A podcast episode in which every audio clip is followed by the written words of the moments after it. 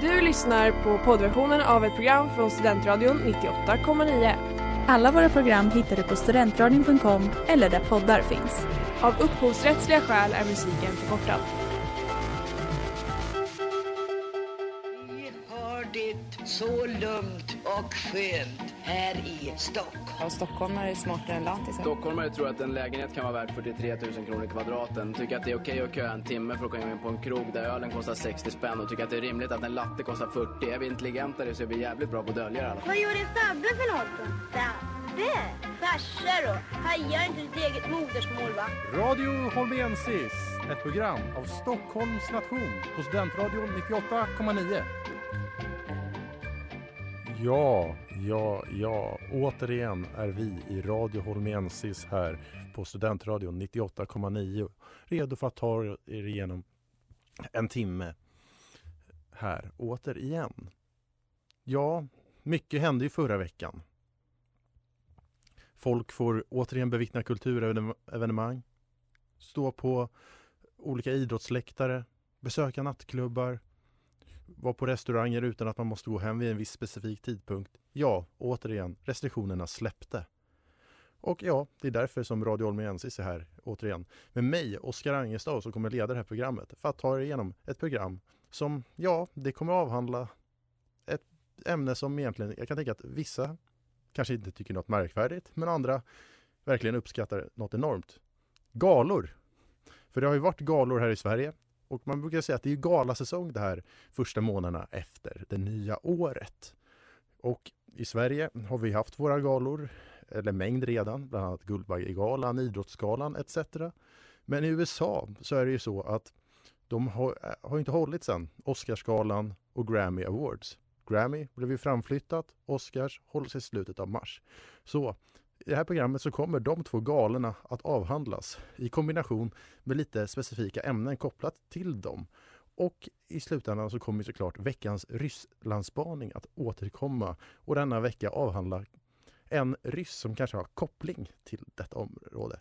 98,9 Studentradion Uppsala. Det här är Dennis Pop. Stay tuned.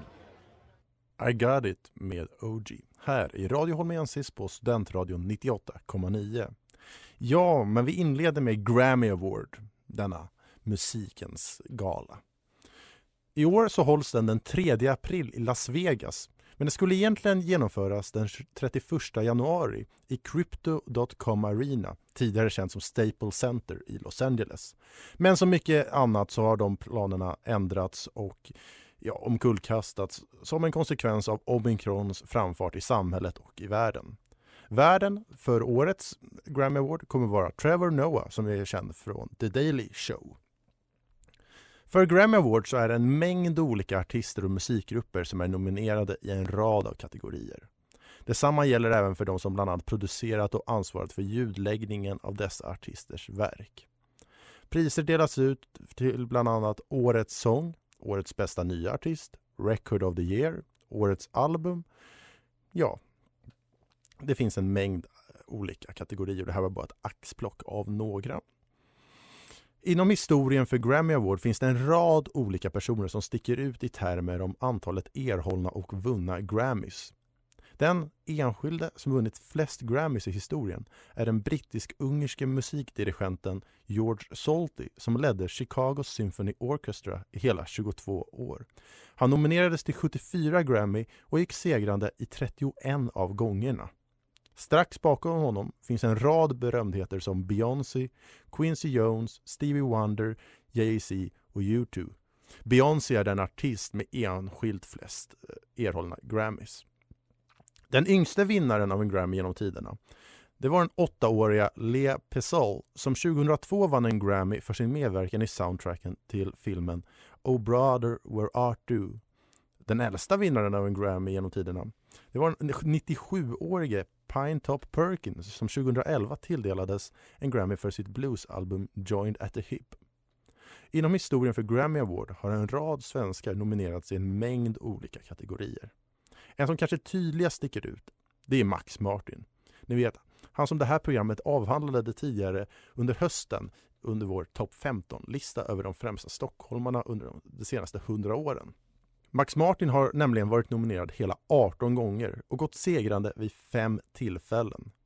Bland de sånger som han har varit med och producerat och som sedermera nominerats till Grammy Awards återfinns bland annat Justin Timberlakes Can't Stop This Feeling, Katy Perrys Roar samt Taylor Swifts Shake It Off.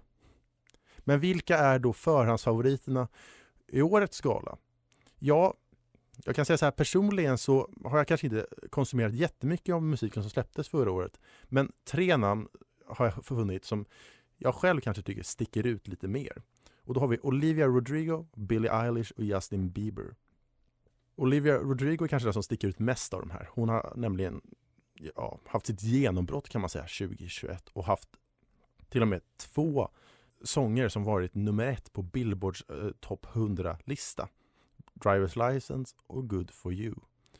Och även då ett nummer ett album, Sour, på Billboards lista. Justin Bieber, han har även han släppt album i samarbete med flertalet svenskar.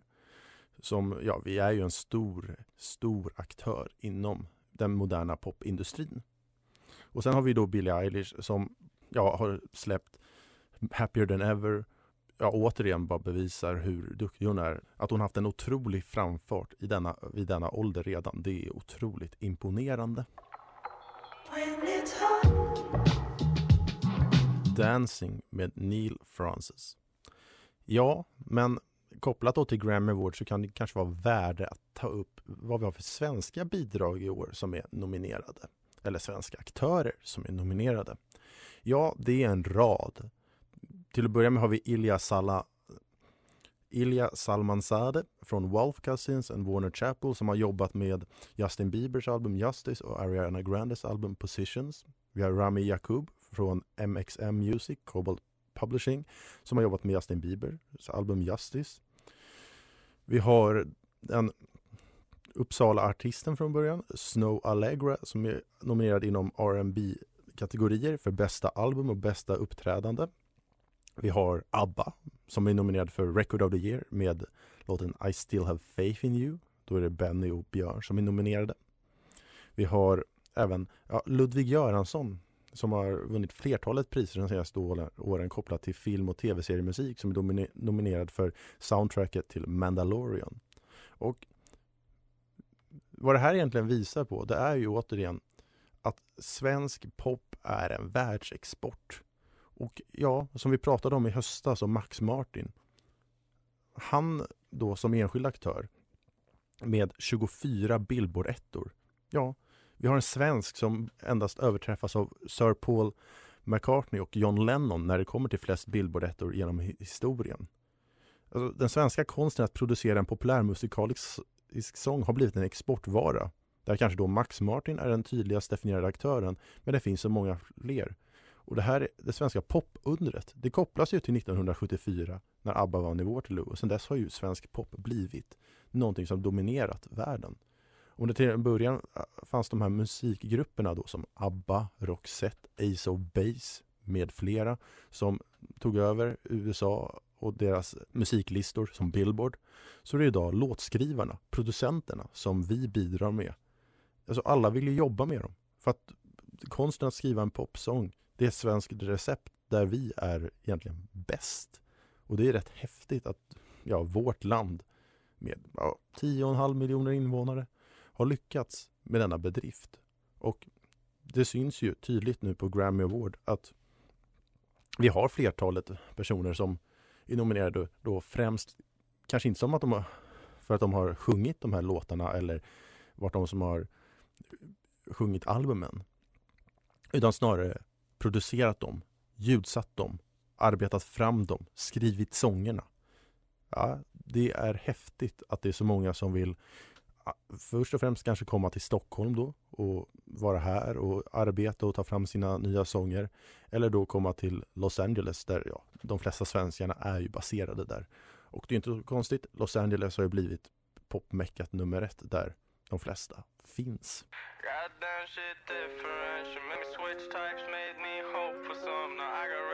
Different med Casper the Ghost, vilket även är veckans singel här i Radio Holmensis på Studentradion 98,9.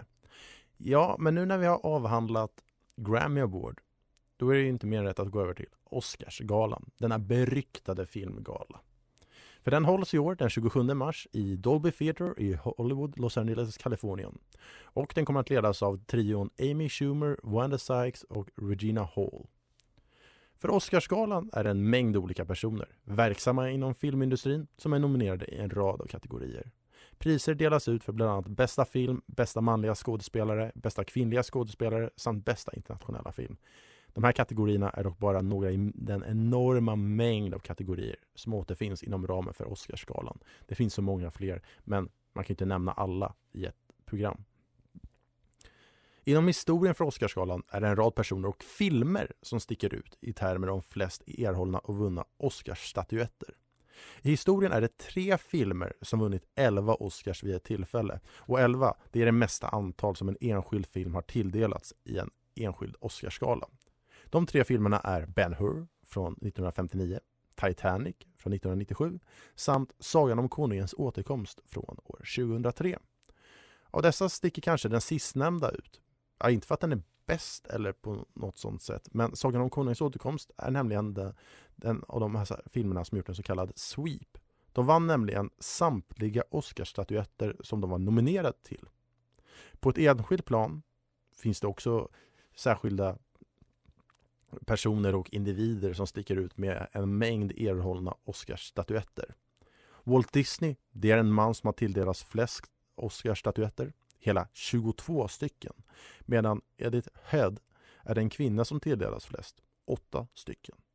Den skådespelare som tilldelas flest är Catherine Hepburn som vunnit vid fyra tillfällen.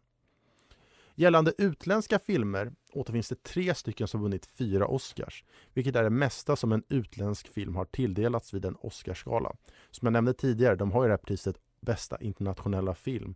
Och i många fall så har det varit främst den kategorin som utländska filmer har konkurrerat inom. Men det har funnits filmer som har vunnit fler priser än så. Och det är tre stycken som då har vunnit fyra Oscars, vilket är det mesta en, ändå en utländsk film har fått. De tre, det är Fanny och Alexander från 1982, Smygande tiger, dold drake från år 2000 samt Parasit från 2019. Den yngsta vinnaren genom tiden av en Oscar var den tioåriga Tatum O'Neill som tilldelades en Oscars 1973 för sin roll i dramakomedin Paper Moon. Den äldsta vinnaren genom tiden av en Oscar det är den 83-årige Anthony Hopkins som föregående år, det vill säga 2021, tilldelades en Oscar för sin roll i filmen The Father. Inom historien för Oscarsgalan har en rad svenskar varit nominerade och vunnit Oscarsstatyetter. Bland dessa återfinns bland annat Ingmar Bergman, Ingrid Bergman, ja Ingrid Bergman, det var ju återigen en person som det här programmet avhandlade i höstas under vår topp 15-lista över de främsta stockholmarna de senaste hundra åren. Vi har även Greta Garbo, som dock aldrig vann en Oscar, men fick en heders-Oscar sedermera för sin långvariga karriär inom filmbranschen och sitt fantastiska arbete på den vita duken. Och slutligen har vi även Alicia Vikander. Den senaste svensken att vinna en Oscarsstatyett Ja, han nämnde jag ju precis när vi pratade om Grammy Awards. Det var Ludvig Göransson som vann en Oscar år 2019 för bästa filmmusik för filmen Black Panther. För den kommande Oscarsgalan, vilket även är den 94 Oscarsgalan i ordningen, så finns det ett par filmer som sticker ut, framförallt då i termer om antalet nomineringar. Hela 12 nomineringar har tilldelats till filmen The Power of the Dog, vilket är ett Netflix-drama av Jane Champion med en lysande Benedict Cumberbatch i huvudrollen. Sen har vi även då Dune som fått 10 nomineringar. Vi har Belfast och West Side Story som båda fått 7 nomineringar och King Richard som fått 6 nomineringar. Sen finns det ju fler som fått nomineringar men det här är de som sticker ut med antalet nomineringar. Om någon särskild av dessa är förhandsfavorit eller inte ska jag vara ärlig, jag har inte sett någon av de här filmerna och det grämer mig lite för att Dune, det vill säga Dennis Villeneuves episka sci-fi saga som då har roffat åt sig tio nomineringar. Det är en film som jag har i mångt och mycket velat se men aldrig riktigt kommit till skott. Jag har haft så många möjligheter men jag borde nog se den för jag har bara hört gott om den från olika vänner och andra som har sett den. Så det är nog en film som jag kommer att bevittna inom snar framtid. Men det finns ju även svenska bidrag i årets Oscarsgala och de är då två till antalet men det är fyra svenskar för det är liksom två par som är nominerade för, i olika kategorier. Eller det är samma kategori men två olika nomineringar. För de som är nominerade, det är, det är en strid i kategorin bästa makeup mask, nämligen då bland svenskar. Då vi har Eva von Barr och Love Larsson som är nominerade för Stellan Skarsgårds mask i Dune. Och de möter då Göran Lundström och Anna-Karin Locke som gjorde Jared Letos mask i House of Gucci. Men annars så är det ett starkt nordiskt år också. För danska filmen Flykt, den fick tre nomineringar.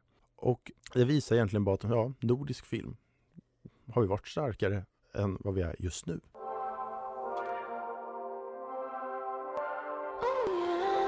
Chill med Loon.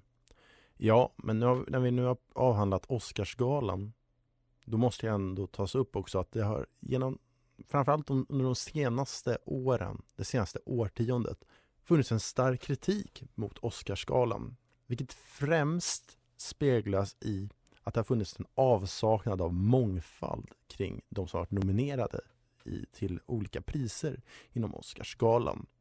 Helt enkelt har det varit en väldigt homogen grupp av människor som har utgjort eh, de som varit nominerade. Till, till exempel så har en stor majoritet av regissörerna varit män och en stor majoritet av de skådespelare som haft ledande roller, de har varit vita. Och det här fick då till exempel att under 2015 års Oscarsgala så började det trenda en hashtag på sociala medier som heter Oscars so white. Och då menar man att mångfaldstänket var helt ute i bild eftersom nästan inga afroamerikaner var nominerade i kategorier som bästa kvinnliga eller manliga huvudroll samt bästa manliga och kvinnliga biroll. Och man har då också vid flertalet tillfällen påpekat att de gånger då afroamerikaner har varit nominerade i olika filmer så har det varit för att de antingen har spelat slavar eller hjälpredor.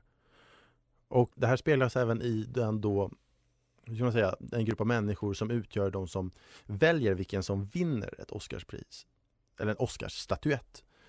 Då, för de har ju mångt och mycket också varit vita och ja, män framförallt som har då nominerat. Och då får man tänka hur väl speglar det här samhällsutvecklingen i USA och i världen? Och detta tänk har egentligen skapat en form av vad säger man, en identitetskris egentligen bland då industrin kring film där det gäller att de porträtterar en sak men de står för en annan eh, eller vill, vill förmedla en annan åsikt eller en bild.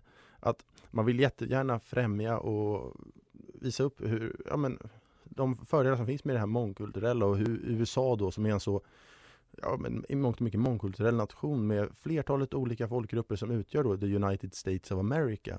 Men att man då, när det kommer till ett sånt pris som Oscarsgalan och Oscarsstatyetterna som utdelas där, ja då är det ändå i huvudsaken de vita som vinner priserna och är nominerade. Och då får man se, ja, är det verkligen det, den bild man vill ha av amerikansk film och, i, och annat i mångt och mycket? Det kan även nämnas det här med att när det kommer till film så är det mycket i mångt och mycket ja, men amerikanska filmer som är nominerade. Det är ju så mycket mer film än bara film från USA som utgör filmindustrin. Men Hollywood, ja, de har stor makt. Det är ju där som resurserna finns för de här riktigt stora filmerna. Men det är därför så intressant att man har den här kategorin då för bästa utländska film. När det görs så mycket bra film runt om i världen. Och att det, man har ju infört en kategori då som den för att ja men här är för filmer som inte är gjorda i USA. För att man kanske har den här på förhand tanken om att ja men de bästa filmerna görs här. Jag kommer ihåg själv när då Parasit vann priser under 2019 års Oscarsgala att eh, Donald Trump uttalade sig om att, för jag, tror, eh, jag minns att de vann bästa film, nämligen, att de tog det priset som, ja, inte bästa utländska film utan bästa film i helhet. Och att Donald Trump då uttalade sig något i stil med att, men, jag kommer inte ihåg exakt vad han sa, men det var något i stil med att ja, amerikanska filmer, vi har tillräckligt bra här eller något sånt. Vi ser mest upp en nonchalans mot vad omvärlden kan producera och skapa och ja, jag tycker det är rätt sorgligt. Sen har det även funnits kritik mot Oscarsgalan i form av att det ofta tenderar att vara en specifik typ av film som vinner en Oscar. Det har liksom funnits en uppfattning bland filmkritiker runt om i världen att Hollywood tenderar att favorisera filmer som imiterar eller ska vara en avspegling av berömda historiska figurer som tenderar att vara väldigt komplicerade att skapa och där skådespelare antingen ökar eller förlorar vikt eh, för den roll som de ska spela. Och framförallt att filmerna görs av Hollywood själva. Och filmerna som tenderar att vinna Oscars tenderar också att vara de som spenderar mest pengar på kampanjevenemang som ska bevara dem i minnet hos dem som röstar fram vilka som vinner Oscarspriser. Så att egentligen, ja, den med mest pengar, den lyckas bevara uppfattningen om att det här, vår film, det var en bra film hos dem som ska avgöra vilka som vinner en Oscarsstatyett. Ja, jag vet inte hur kul är det, men det är ju återigen, det är något som syns i det amerikanska samhället. Det är samma sak inom de politiska valen. Jag kanske inte nödvändigtvis att han alltid vinner den med mest pengar, men återigen att pengar är en så dominerande faktor inom olika val i USA. I detta fall är det ju på ett mer mindre plan då med Oscarsgalan vilka som vinner då filmpriser men det är ändå det finaste filmpriset i mångt och mycket i världen. Men sen också har vi då med valen att enskilda aktörer kan pumpa in pengar i olika politiska kampanjer för att då, att deras då kandidat som de stöttar ska kunna gå segrande och på så sätt bevara eller lyfta upp de frågor och önskemål som de är måna om. Jag är rätt glad att vi inte har nått dit i Sverige idag. Query med Barry här i Radio Holmiensis på Studentradion 98,9.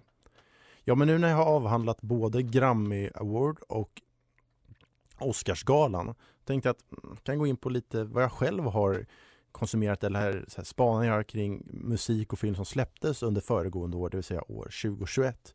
Jag tänker att vi kan börja med musik och ja, som jag sa förut, det är inte mycket som jag hade konsumerat av det som släpptes förra året. Eller jag har ju hört det, men det är inte något som jag aktivt har sökt upp eller lyssnat på. Och där fick jag in och kollade på på nätet och kollade då ja, men vilka på de olika strömningstjänsterna är de sånger som har varit mest spelade. Och där finns ju bland annat Dua Lipas Levitating, ja, Olivia Rodrigos Driver's License har varit på, eh, på någon strömningstjänst, den mest spelade och hon hade ju fått ett par nomineringar till Grammy Award. Den koreanska K-popgruppen BTS, de är nominerade för deras låt Dynamite. Eller nominerade, de är mest strömmade på en tjänst. Och även då på en tjänst är Cardi B's app eh, mest strömmade. Och kanske är någon grej kopplat till jag vet inte, pandemin, men jag känner att jag personligen inte har fått samma koppling till de låtar som släpptes under föregående år. Och det är väl bara att det är någonting jag får ta tag i själv men ja, det är väl bara att hit, eh, söka upp på olika strömningstjänster och lyssna på topp, vad är det, topp 50 och de, det som har släppts nyligen. Men som jag sagt innan, jag är ofta fan av gammal musik och det har jag ju pratat om i det här programmet att ja, Beatles, mycket från Storbritannien, det är favoriter hos mig. Men jag uppskattar även mycket av det som släpps nu för tiden. Men då för att sen också gå över till film som släpptes under föregående år. Jag nämnde ju att Dune är en film som jag verkligen vill se och jag har haft möjlighet att se den och det, ja, jag borde se den. Men egentligen så tänker jag också att det, mycket av det som är nominerat då till en Oscarsgala, det är ju mycket, det är en ny film. Det ska, jag tror det ska ha släppts mellan, om det är början av mars till sista december under 2021. Och då får man tänka, ja släpps då, då är det att gå på bio och se det. Vissa har i och för sig släppts på olika också strömningstjänster då för film. Men det har inte blivit så mycket biobesök för mig de senaste åren. Det är mångt och mycket kopplat till pandemin och att det har varit biograferna har varit stängda i flertalet tillfällen. Men jag var ändå såg en film föregående år och vi avhandlade den då, jag och Theo under hösten, nämligen No time to die, den nya Bondfilmen. Och som jag pratade då, den var riktigt bra den filmen. Och den är ju faktiskt nominerad även på Oscarsgalan, dock inte i någon form av så filmpris eller bästa film utan nominerad för bästa makeup hår, bästa originalmusik och bästa sång då No time to die av Billie Eilish. Och det tycker jag är välförtjänt för det är en riktigt bra sång som förtjänar all cred som finns. Men jag vet inte, är det något kopplat till att återigen, jag vet inte, Bond, är det en typ av kultur som inte är vad Hollywood eh, kopplas till på det sättet? Man kan nämna så här ur ett svenskt perspektiv, när vi har Guldbaggegalan så har ju en sån då skådespelare som Lasse Åberg i flertalet tillfällen inte fått Guldbaggar trots att han har varit upphovsmakaren bakom filmer som är bland de mest sedda i svensk historia. Alltså Sällskapsresan 1, när de åker ner till Gran Canaria, den har setts av miljoner svenskar. Men den fick aldrig någon Guldbagge. Jag tror han fick en Guldbagge för sin roll i Golfaren. Som, ja, det, jag tycker personligen inte är en av de bästa filmerna han har gjort. Men så han har fått den och sen fick han även en hedersguldbagge för sin långvariga karriär. Men det är återigen, är det liksom inte tillräckligt fin kultur som ska kopplas samman med de här stora galerna?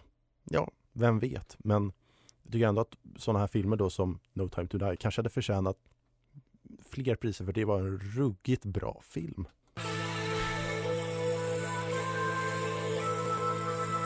Shinigami Eyes med Grimes här i Radio Homiansis på Studentradion 98,9. Ja, föregående vecka så nämnde jag det här när det kommer till den här vignetten eller segmentet, veckans Rysslandsspaning, att det var ju en tredje gången som den följde, var med i ett program eh, föregående vecka och då är det ju en tradition. Så då är det väl ändå dags att återigen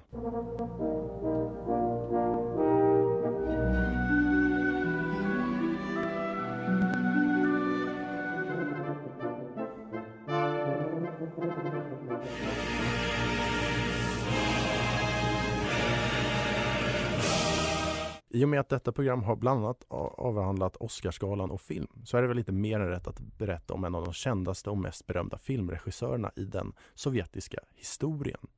Andrei Tarkovsky. Han föddes den 4 april 1932 nära Moskva och dog den 29 december 1986 i Paris. Han anses vara en av de mest betydande filmskaparna i Sovjetunionens historia. Han var son till en poet men fadern övergav hans familj under tidiga år. Han bodde med modern och systern först i utkanten av Moskva och sedan flyttade de in i Moskva under krigsåren. När han gick i skolan lärde han sig spela piano och efter skolåren så började han studier i arabiska.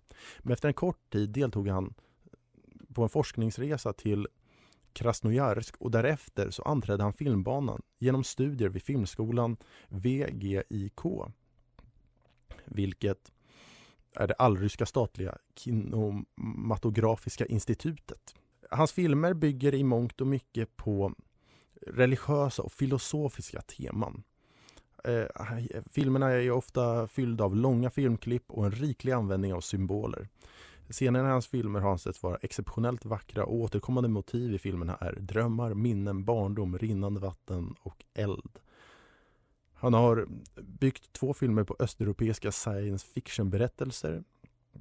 Och en av hans främsta filmer då, som heter Spegeln, räknas som en poetisk film. Och i den återspeglas hans upplevelser från barndomen. Evakueringen, den frånvarande pappan, sjukhusvistelsen. Ja, han var inskriven för tuberkulos under ett år på sjukhus.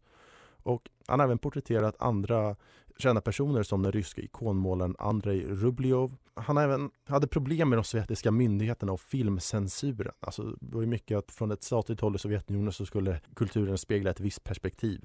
In, vad som helst fick inte släppas. Han fick ändå tillåtelse av en sovjetisk studio som hette Mosfilm att fortsätta arbeta. År 1984 så jobbade han med en film som heter Nostalgia i Italien. Och när den var färdig och, och så och han skulle återvända så återvände han dock inte till Sovjetunionen utan blev kvar utomlands och började jobba med en film som heter Offret som var en europeisk samproduktion som spelades in på Gotland.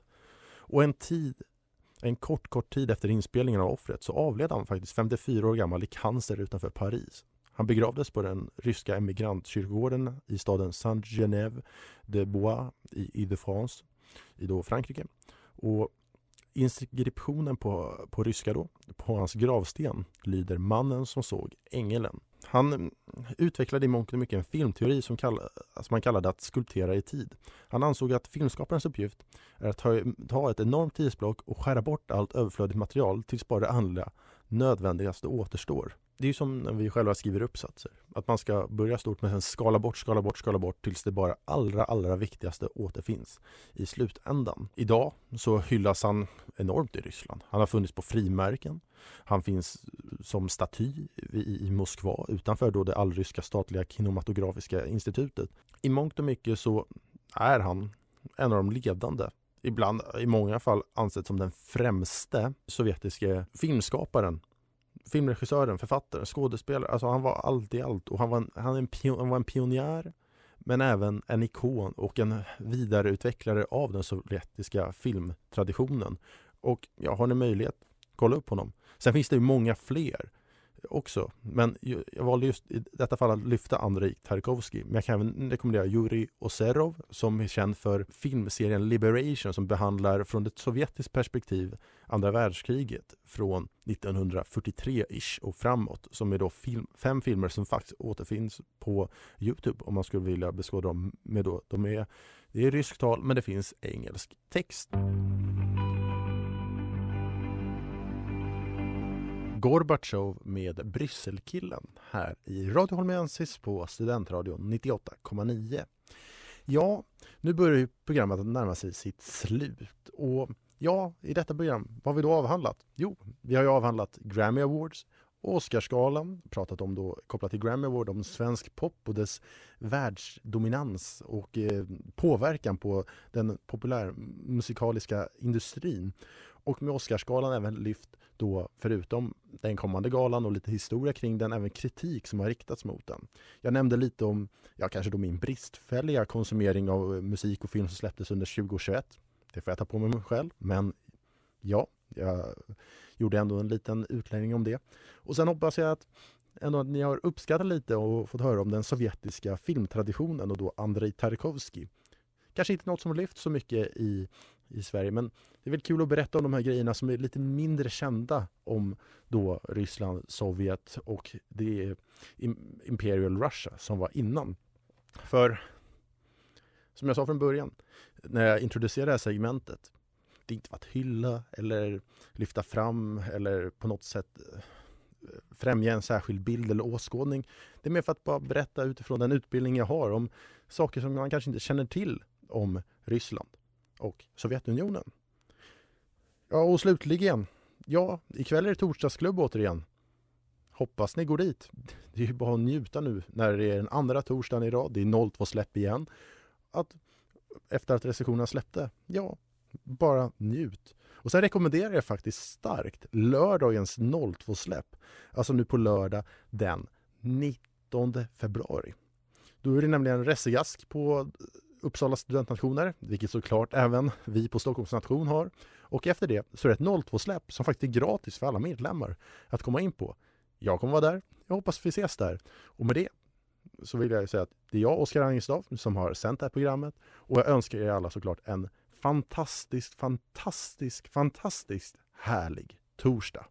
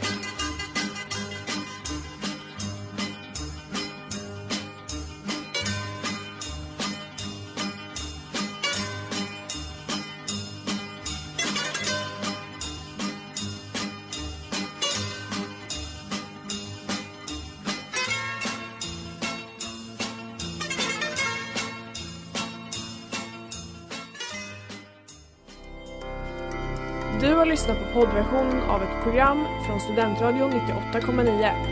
Alla våra program hittar du på studentradion.com eller där poddar finns. Och kom ihåg, att lyssna fritt är stort, att lyssna rätt är större.